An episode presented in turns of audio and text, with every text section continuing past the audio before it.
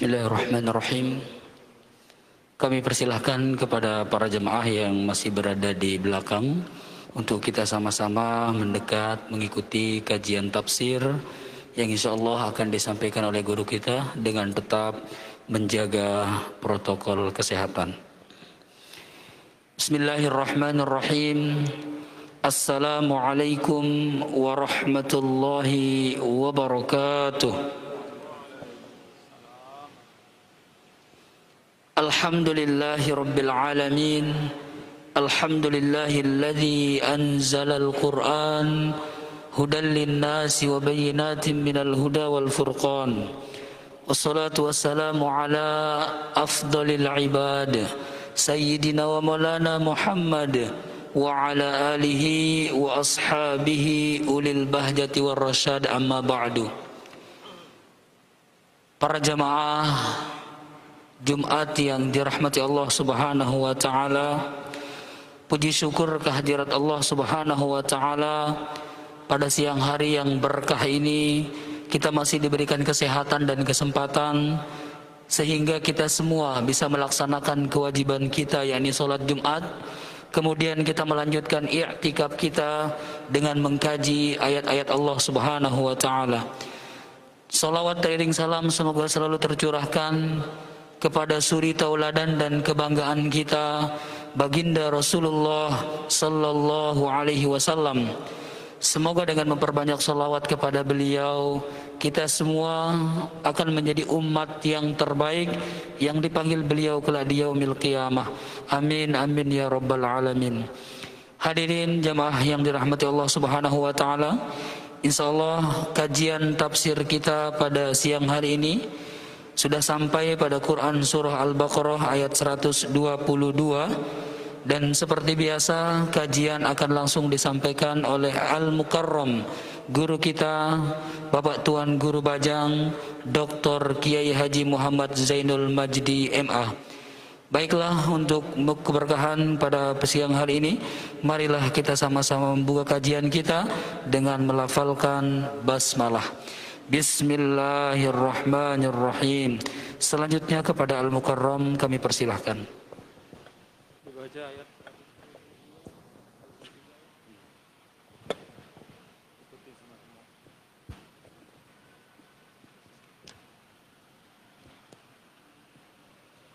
Silahkan jemaah dibuka Al-Qur'annya surah ayat Al-Baqarah ayat 122 kita baca sama-sama.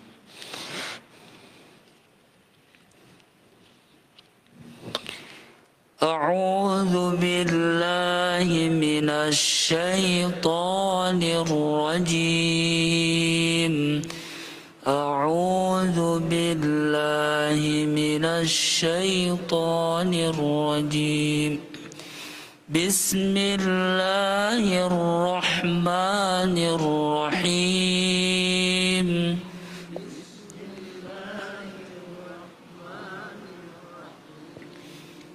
يا بني إسرائيل اذكروا نعمتي التي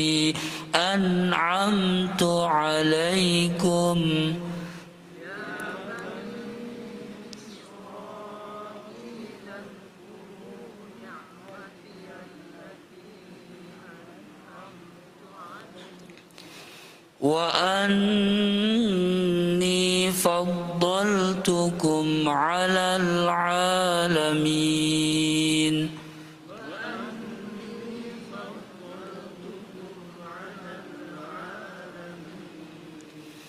واتقوا يوما لا تجزي نفس عن نفس شيئا.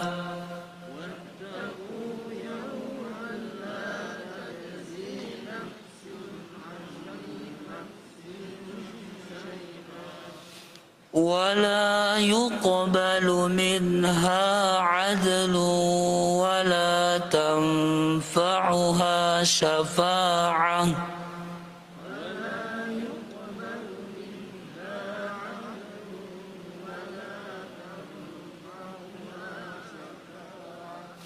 ولا تنفعها شفاعة ولا هم ينصرون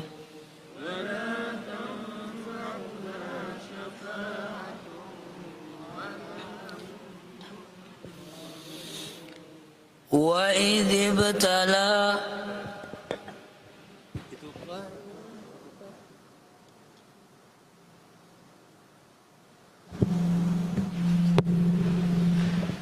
صدق الله العظيم. أعوذ بالله من الشيطان الرجيم. بسم الله الرحمن الرحيم السلام عليكم ورحمة الله وبركاته الحمد لله والصلاة والسلام على من لا نبي بعده سيدنا محمد بن عبد الله وعلى آله وأصحابه والتابعين إلى يوم القيامة أما بعد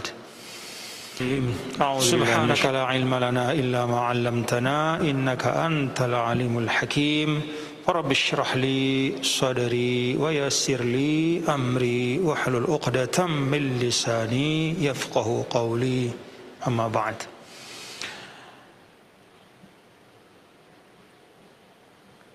Jamaah yang dirahmati Allah Alhamdulillah kita semua masih bisa meneruskan taklim pada Jumat hari ini. Alhamdulillah. Lebih terasa lagi alhamdulillahnya adalah karena kita berada pada masa di mana banyak sekali yang kita kenal ya itu mendahului kita kadang-kadang beruntun. Bahkan yang kita sebelumnya berkomunikasi satu dua hari tiba-tiba meninggal.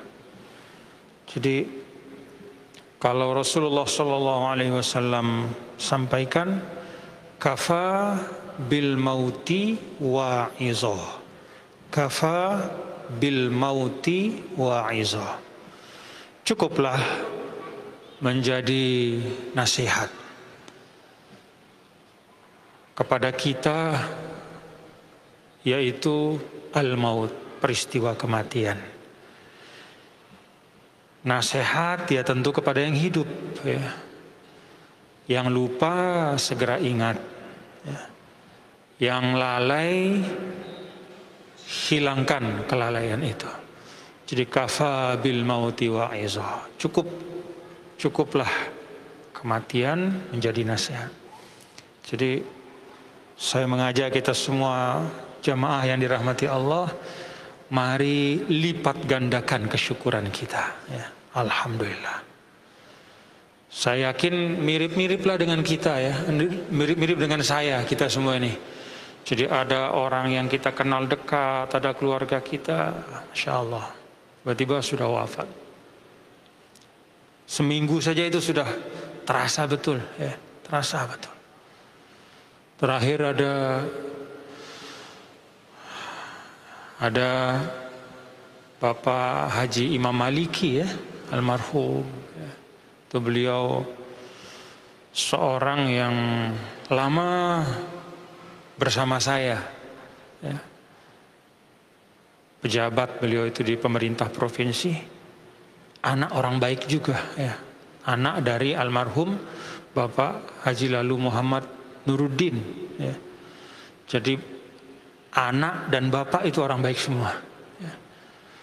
lalu Imam Maliki itu juga meninggal sebelumnya masih minggu ini juga itu saya punya sahabat Kebetulan beliau itu rektor di Universitas Paramadina. Namanya Profesor Dr. Firmanzah. Masih muda sekali, masih 44 tahun, 43 tahun bahkan. Beliau itu guru besar termuda di Universitas Indonesia. Dekan termuda, usianya jadi dekan di UI itu 32 tahun. Bayangkan 32 tahun. Cerdas luar biasa. Pada masa pemerintahan yang lalu Zaman Bapak SBY menjadi presiden, beliau adalah staf khusus presiden.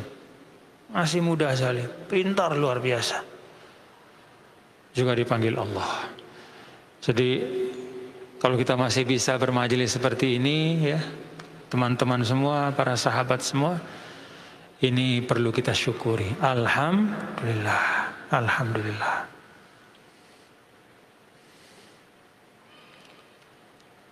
Mari kita bacakan suratul Fatihah untuk semua saudara-saudara kita, sahabat kita, keluarga kita, guru kita.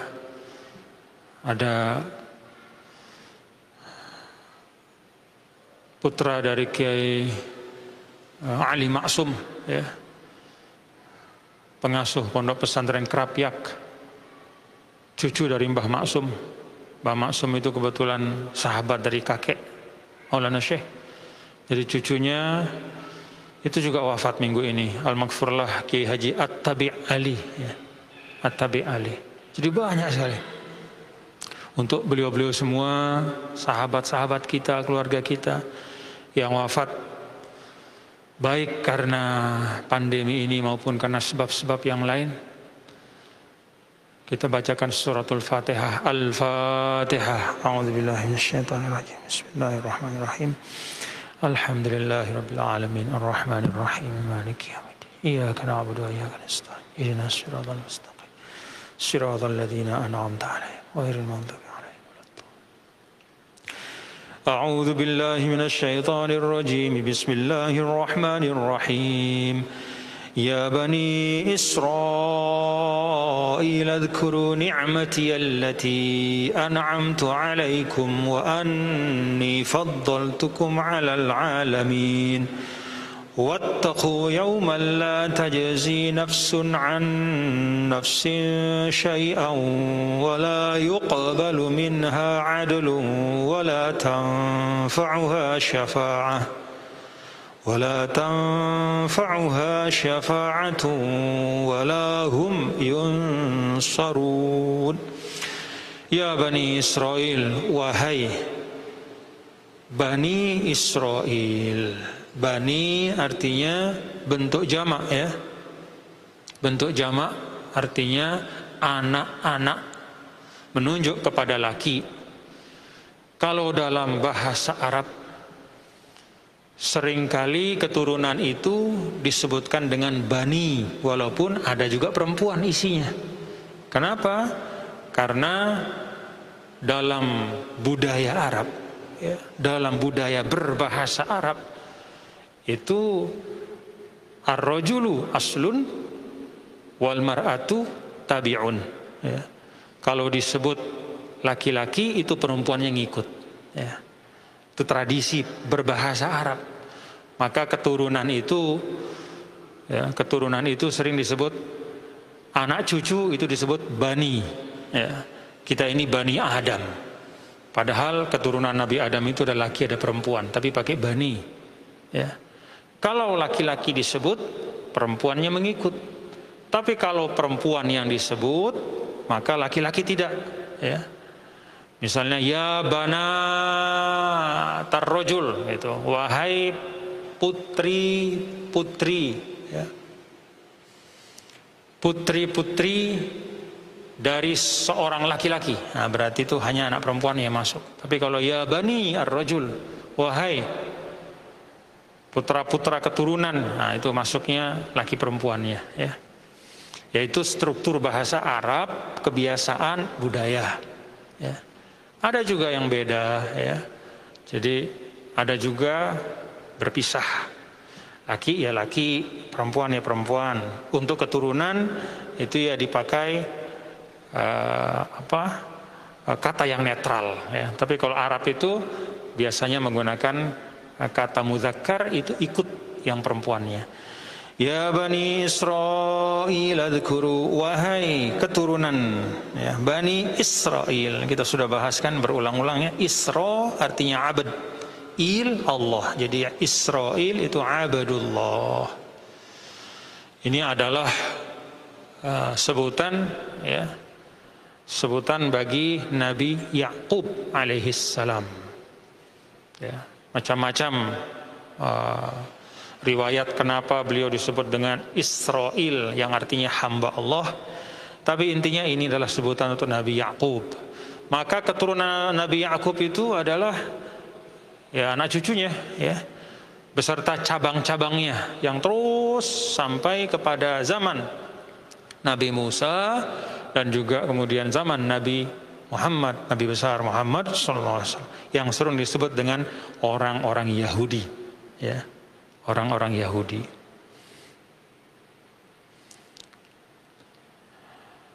Nah, wahai keturunan, ya, keturunan Israel, Bani Israel, Udhkuru ni'mati allati ingatlah Ni'mati allati nikmat nikmatku nikmatku yang allati an'amtu alaikum yang telah aku berikan kepada kalian semua. Wa anni faddaltukum 'alal 'alamin dan sesungguhnya aku telah melebihkan ya melebihkan kalian atas kelompok atau bangsa-bangsa yang lain. Waktu itu, ya, waktu itu. Ada konteksnya. Ini konteksnya adalah tidak mutlak, sehingga tidak bisa orang mengatakan bahwa orang-orang Yahudi itu sampai sekarang lebih mulia dari yang lain itu tidak. Tapi ada konteksnya. Ya. Salah satu yang dijelaskan oleh para ulama, fadol tukum berkaitan dengan banyaknya nabi dan rasul yang diutus dari kelompok mereka. Jadi kalau diutus satu nabi itu kan mulia kita ya, berarti bangsa kita itu mulia. Allah memberikan mengirim nabi dan rasul untuk menjadi penyeru kebaikan. Kalau ditambah ditambah ditambah, nah itu berarti diberikan kemuliaan-kemuliaan. Tapi ingat, kemuliaan dalam Islam itu adalah satu sisi mata uang, di sisi yang lainnya itu namanya mas'uliyah, tanggung jawab. Sekali mas'uliyahnya itu ditinggalkan, maka nikmatnya itu menjadi nikmah. Nikmat itu jadi celaka. Ya, kalau mas'uliyahnya ditinggalkan. واتقوا يوما لا tajzi نفس عن نفس شيئا dan takutlah. Wattaqu. Wattaqu dari asal kata wiqayah. Ya, dari kata wiqayah itu maka fiil amarnya itu wattaqu, takutlah. Apa sebenarnya esensi dari wiqayah? Kalau kita disasak itu ada namanya perisaian. Apa? Perisaian Presian itu kan bawa apa namanya?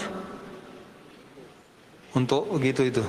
Nah, ende. Jadi wiqayah itu artinya berperisai.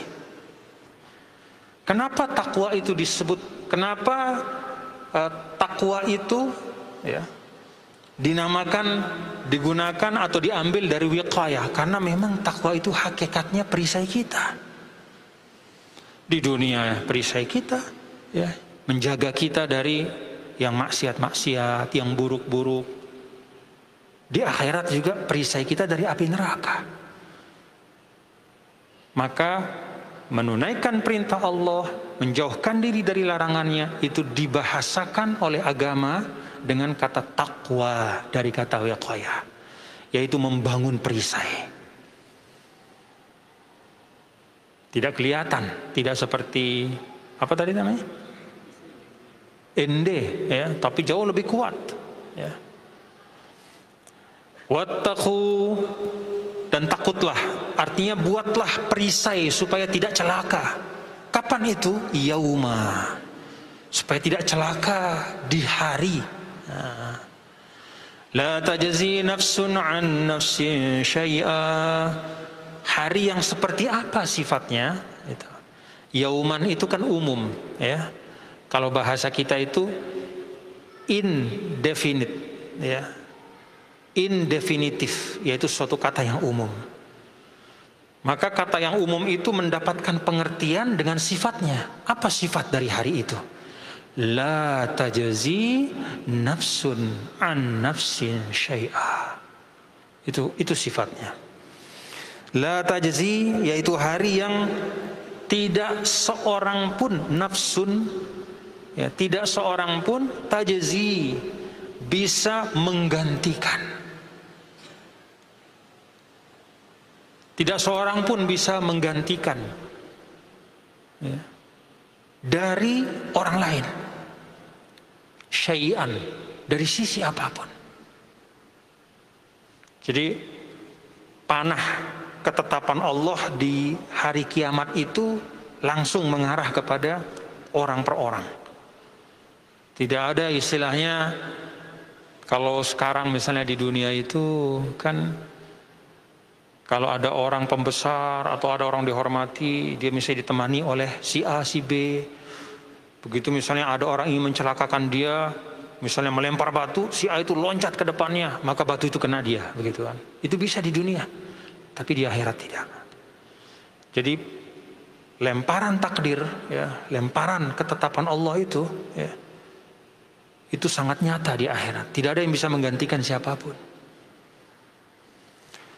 Wala yuqbalu minha adlun wala yuqbalu dan tidak diterima. Ya. Tidak diterima dari siapa pun adlun. Adlun itu artinya fidaun tebusan. Ya. kata adlun itu intinya kan seimbang nah jadi kalau orang mohon maaf misalnya ada orang dicuri, diculik ya. Ketika dia diculik itu maka penculiknya itu biasanya meminta tebusan yang seimbang dengan harga orang yang diculik itu. Misalnya kalau orang itu orang kaya maka tebusannya pasti mahal. Betul ya? Kalau misalnya raja, oh pasti. Kalau yang diculik itu orang biasa-biasa, ya tebusannya juga seperti itu. Maka tebusan itu di, dibahasakan dengan istilah adalun yaitu sesuatu yang setara. Tebusan. Sesuai dengan nilai dari orang itu. Fidaun tebusan. Tidak diterima di akhirat.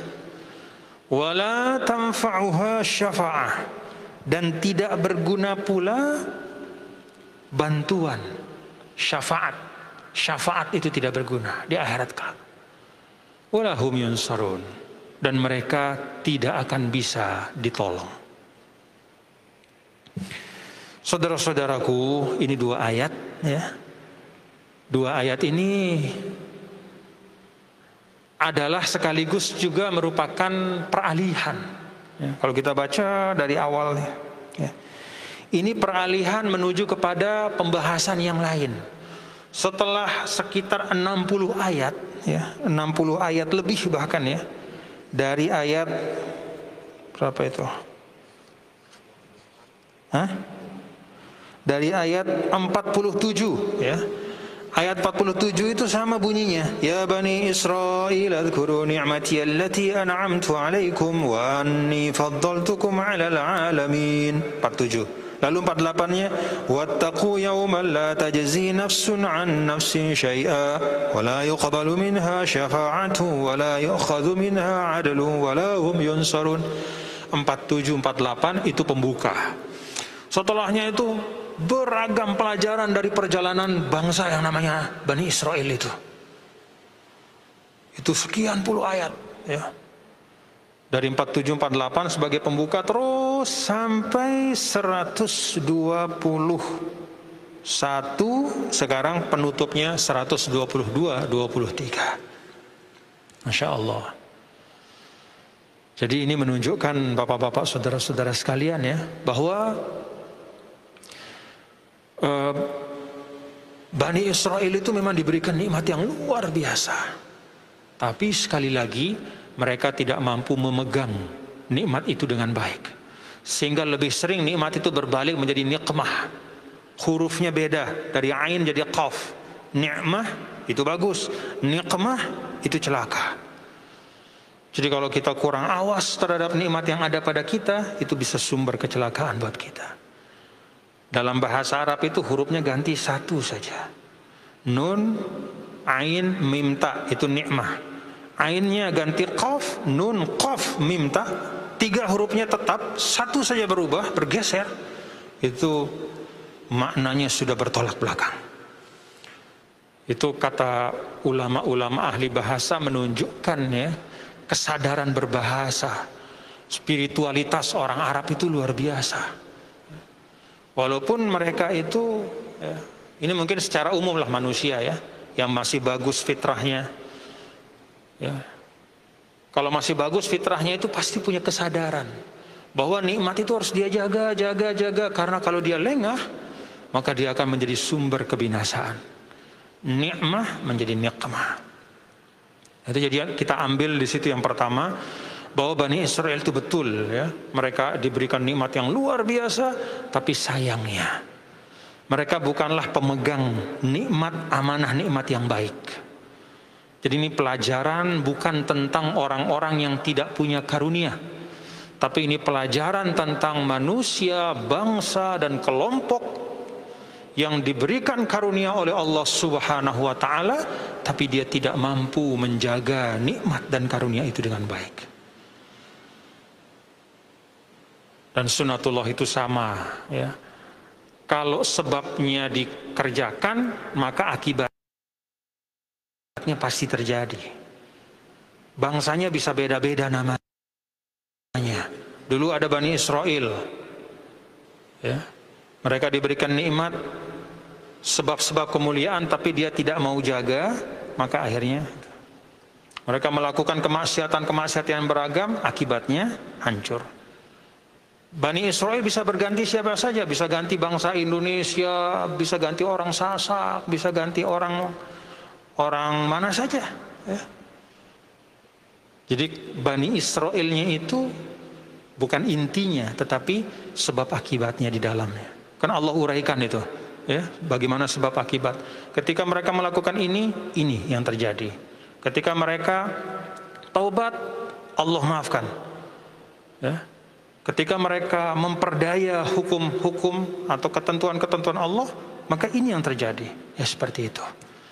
Jadi yang pertama yang kita ambil bahwa ketika nikmat yang banyak itu tidak bisa dikelola dengan baik, maka dia akan beruntun berubah menjadi sumber-sumber kebinasaan. Nauzubillah misalnya. Yang kedua, Bapak-bapak dan saudara-saudara sekalian, Rangkaian dari nasihat kepada Bani Israel ini juga menunjukkan ya, bahwa semakin banyak nikmat ada pada kita, semakin kita perlu nasihat-nasihat dan peringatan. Jadi Bani Israel itu paling banyak dinasihati. Ya. Kenapa? Karena nikmatnya juga paling banyak. Maka para ulama menyampaikan bahwa yang paling berhajat kepada nasihat adalah orang yang paling banyak karunianya. Orang yang paling banyak ilmunya itu paling perlu dinasihati. Supaya dia tidak lupa kepada amanah ilmunya. Orang yang paling banyak, paling tinggi jabatannya juga paling banyak perlu dinasihati. Supaya dia tidak menyalahgunakan. Orang yang paling banyak hartanya juga paling perlu untuk selalu diingatkan. Karena itu Bapak-bapak dan saudara-saudara sekalian, Kaidah di dalam Islam itu sederhana. Syukurlah kalau masih ada orang mau menasihati kita. Ya. Kalau kata Rasul, apa? Iza aradallahu bi'abdin khairan saqa ilaihi man yuzakiruhu idza ghafilah. Kalau Allah masih mau kita jadi orang baik, Bapak-bapak Ibu, maka Allah akan kirim orang lain untuk datang kepada kita dan menasehati kita ketika kita lupa. Jadi jangan justru ketika sudah tidak ada orang mau bernasihat kepada kita, lalu kita merasa diri kita sudah baik. Hati-hati itu lampu kuning.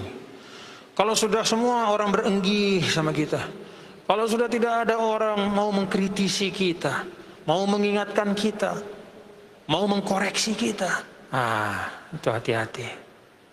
Bisa jadi itu tanda Allah sudah abai sama kita. Allah sudah biarkan kita, tidak dipedulikan. Karena itu para ulama sering ya, kalau kita baca dalam sirah-sirah para ulama, para ulama kalau sudah orang-orang alim itu kalau sudah lama dia tidak dapat nasihat, dia datang cari orang yang mau menasihati dia. Bahkan mengatakan insoh nih, nasihati aku. Takut dia. Karena kalau kita sudah tidak ada yang mau menasihati kita itu ada kemungkinan kemungkinan yang pertama ya.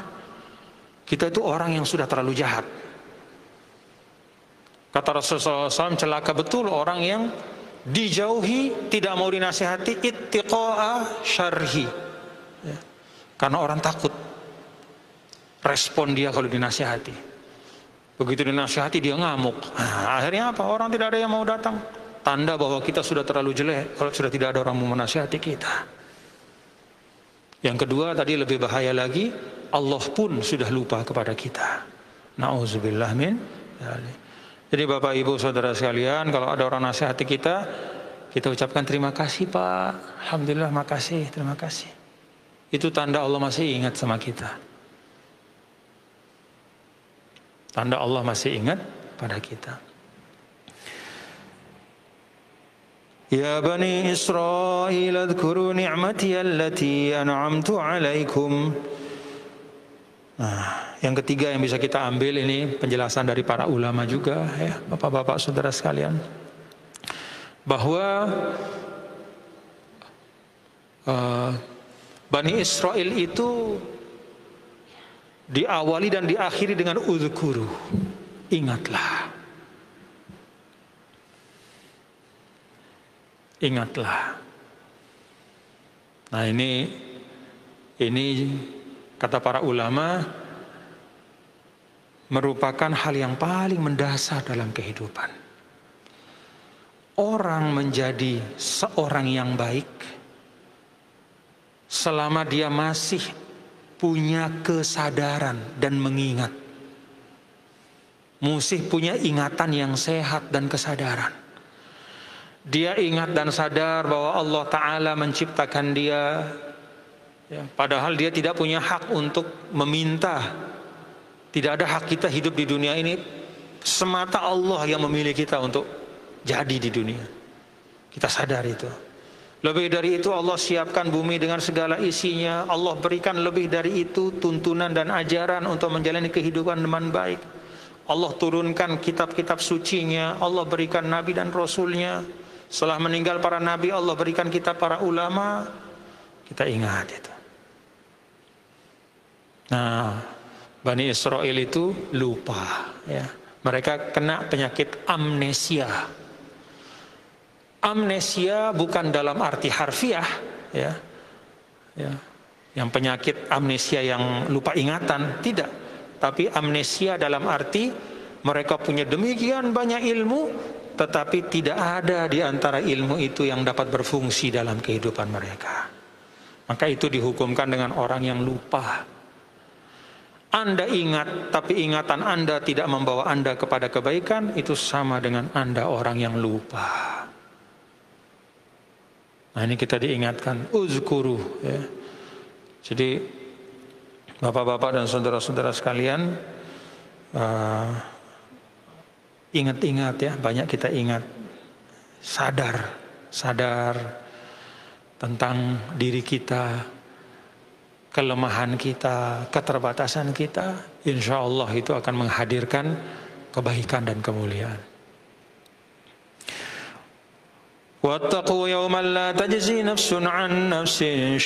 Nah, yang keempat yang kita bisa ambil dari dua ayat ini adalah bahwa Islam mengajarkan kita tanggung jawab individual. Itu yang paling utama.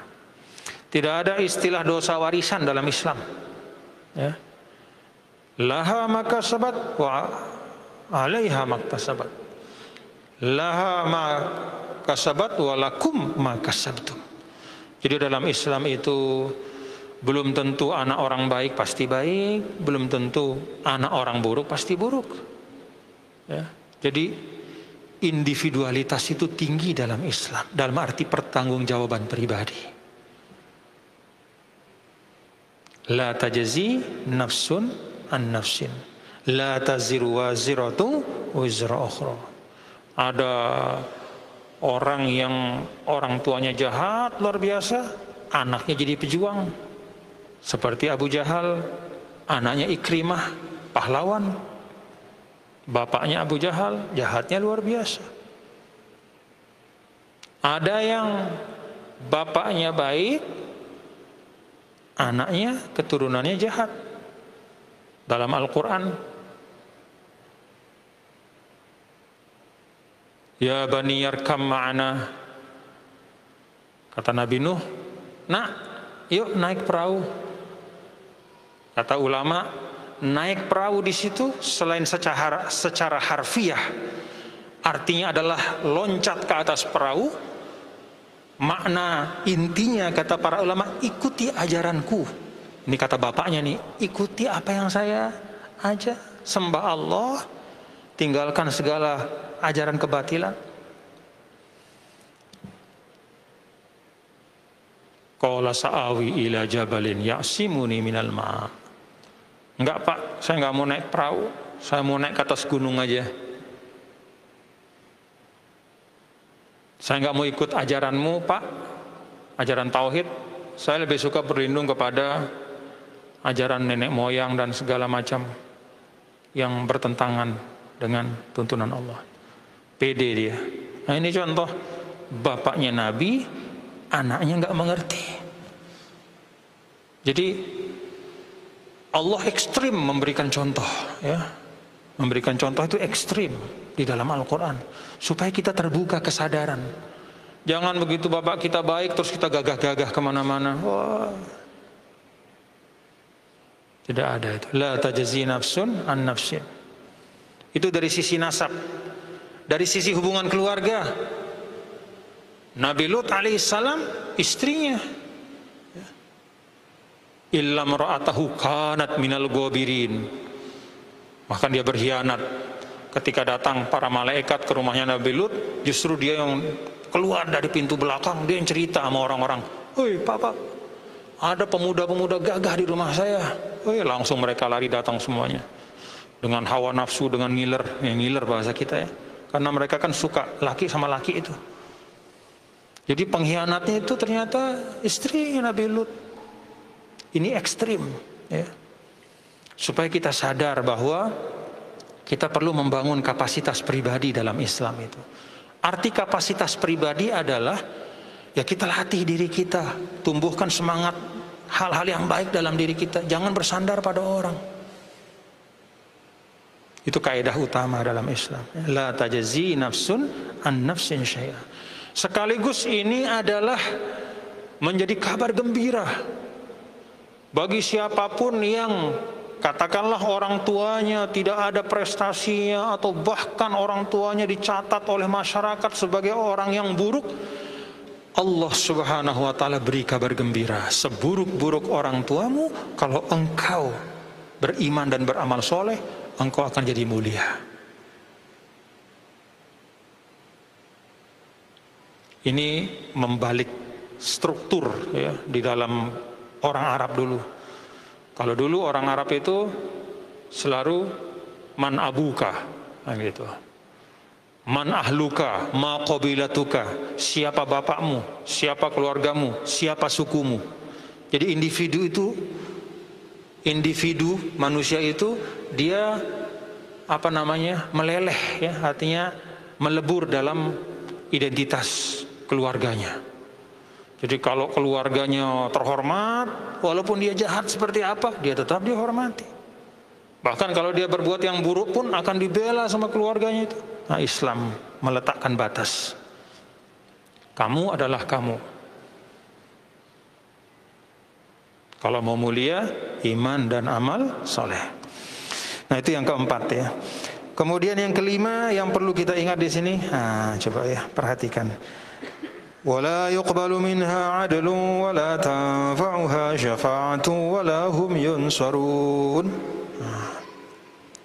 Ini ada tiga hal yang dalam praktik manusia ya, itu sering digunakan bagi seseorang atau sekelompok orang untuk lolos dari kesulitan.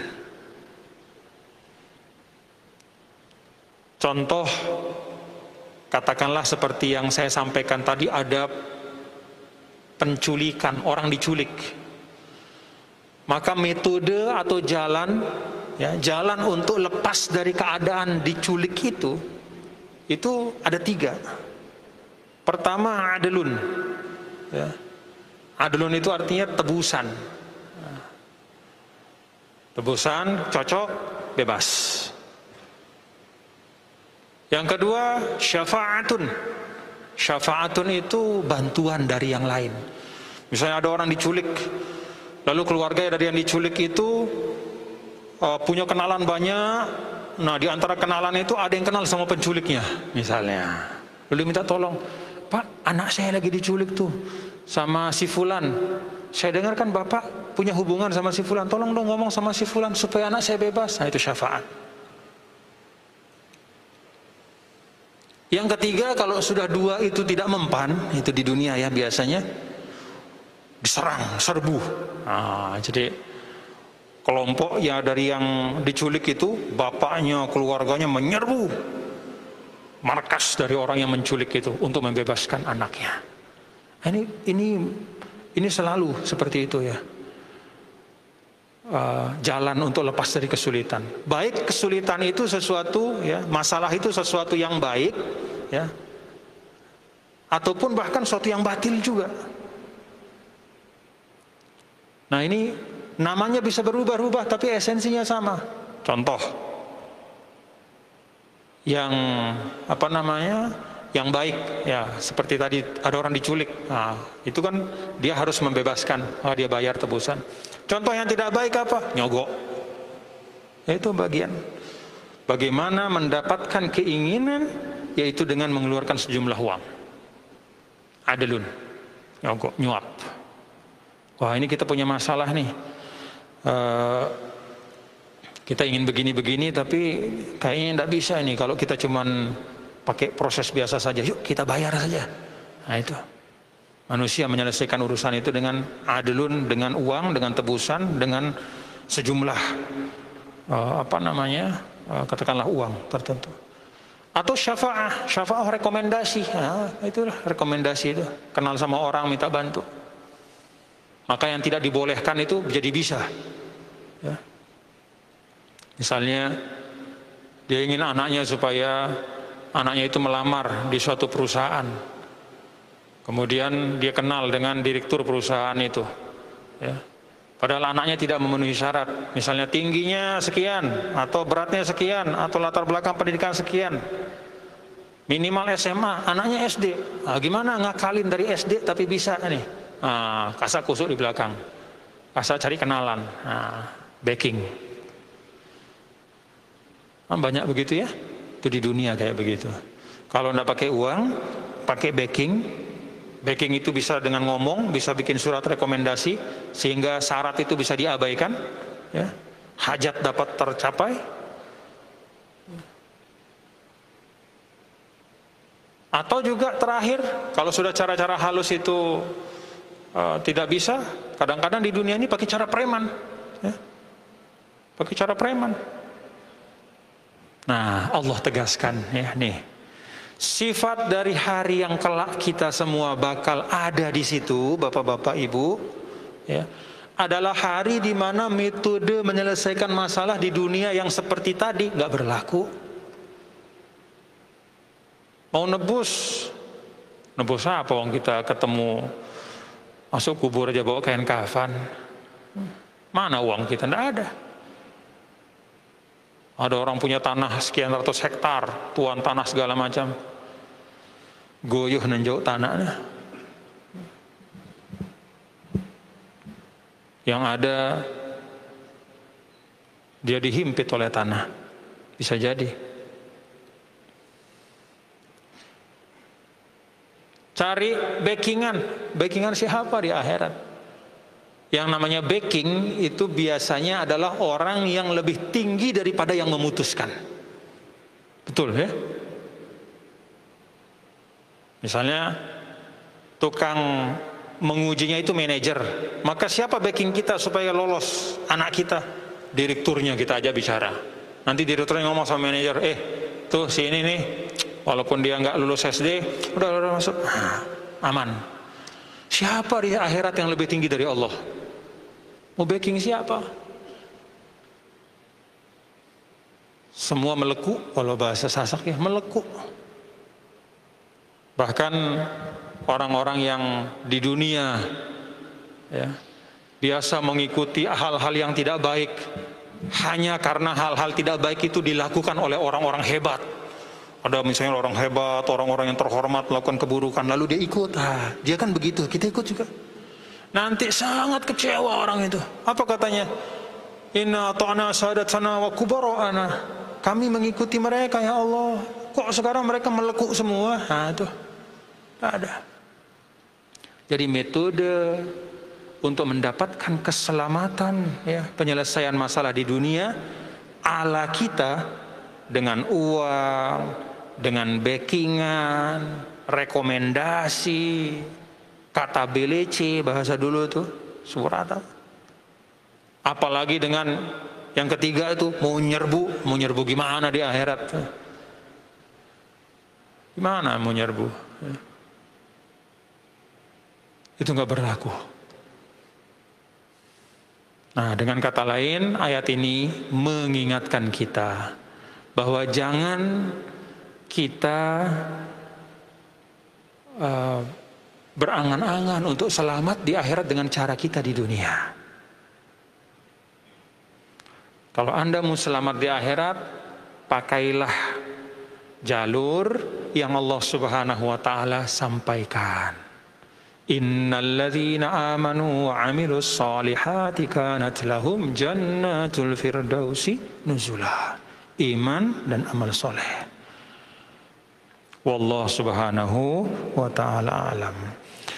Terima kasih Bapak-bapak saudara-saudara sekalian. Mudah-mudahan apa yang kita baca pada hari ini.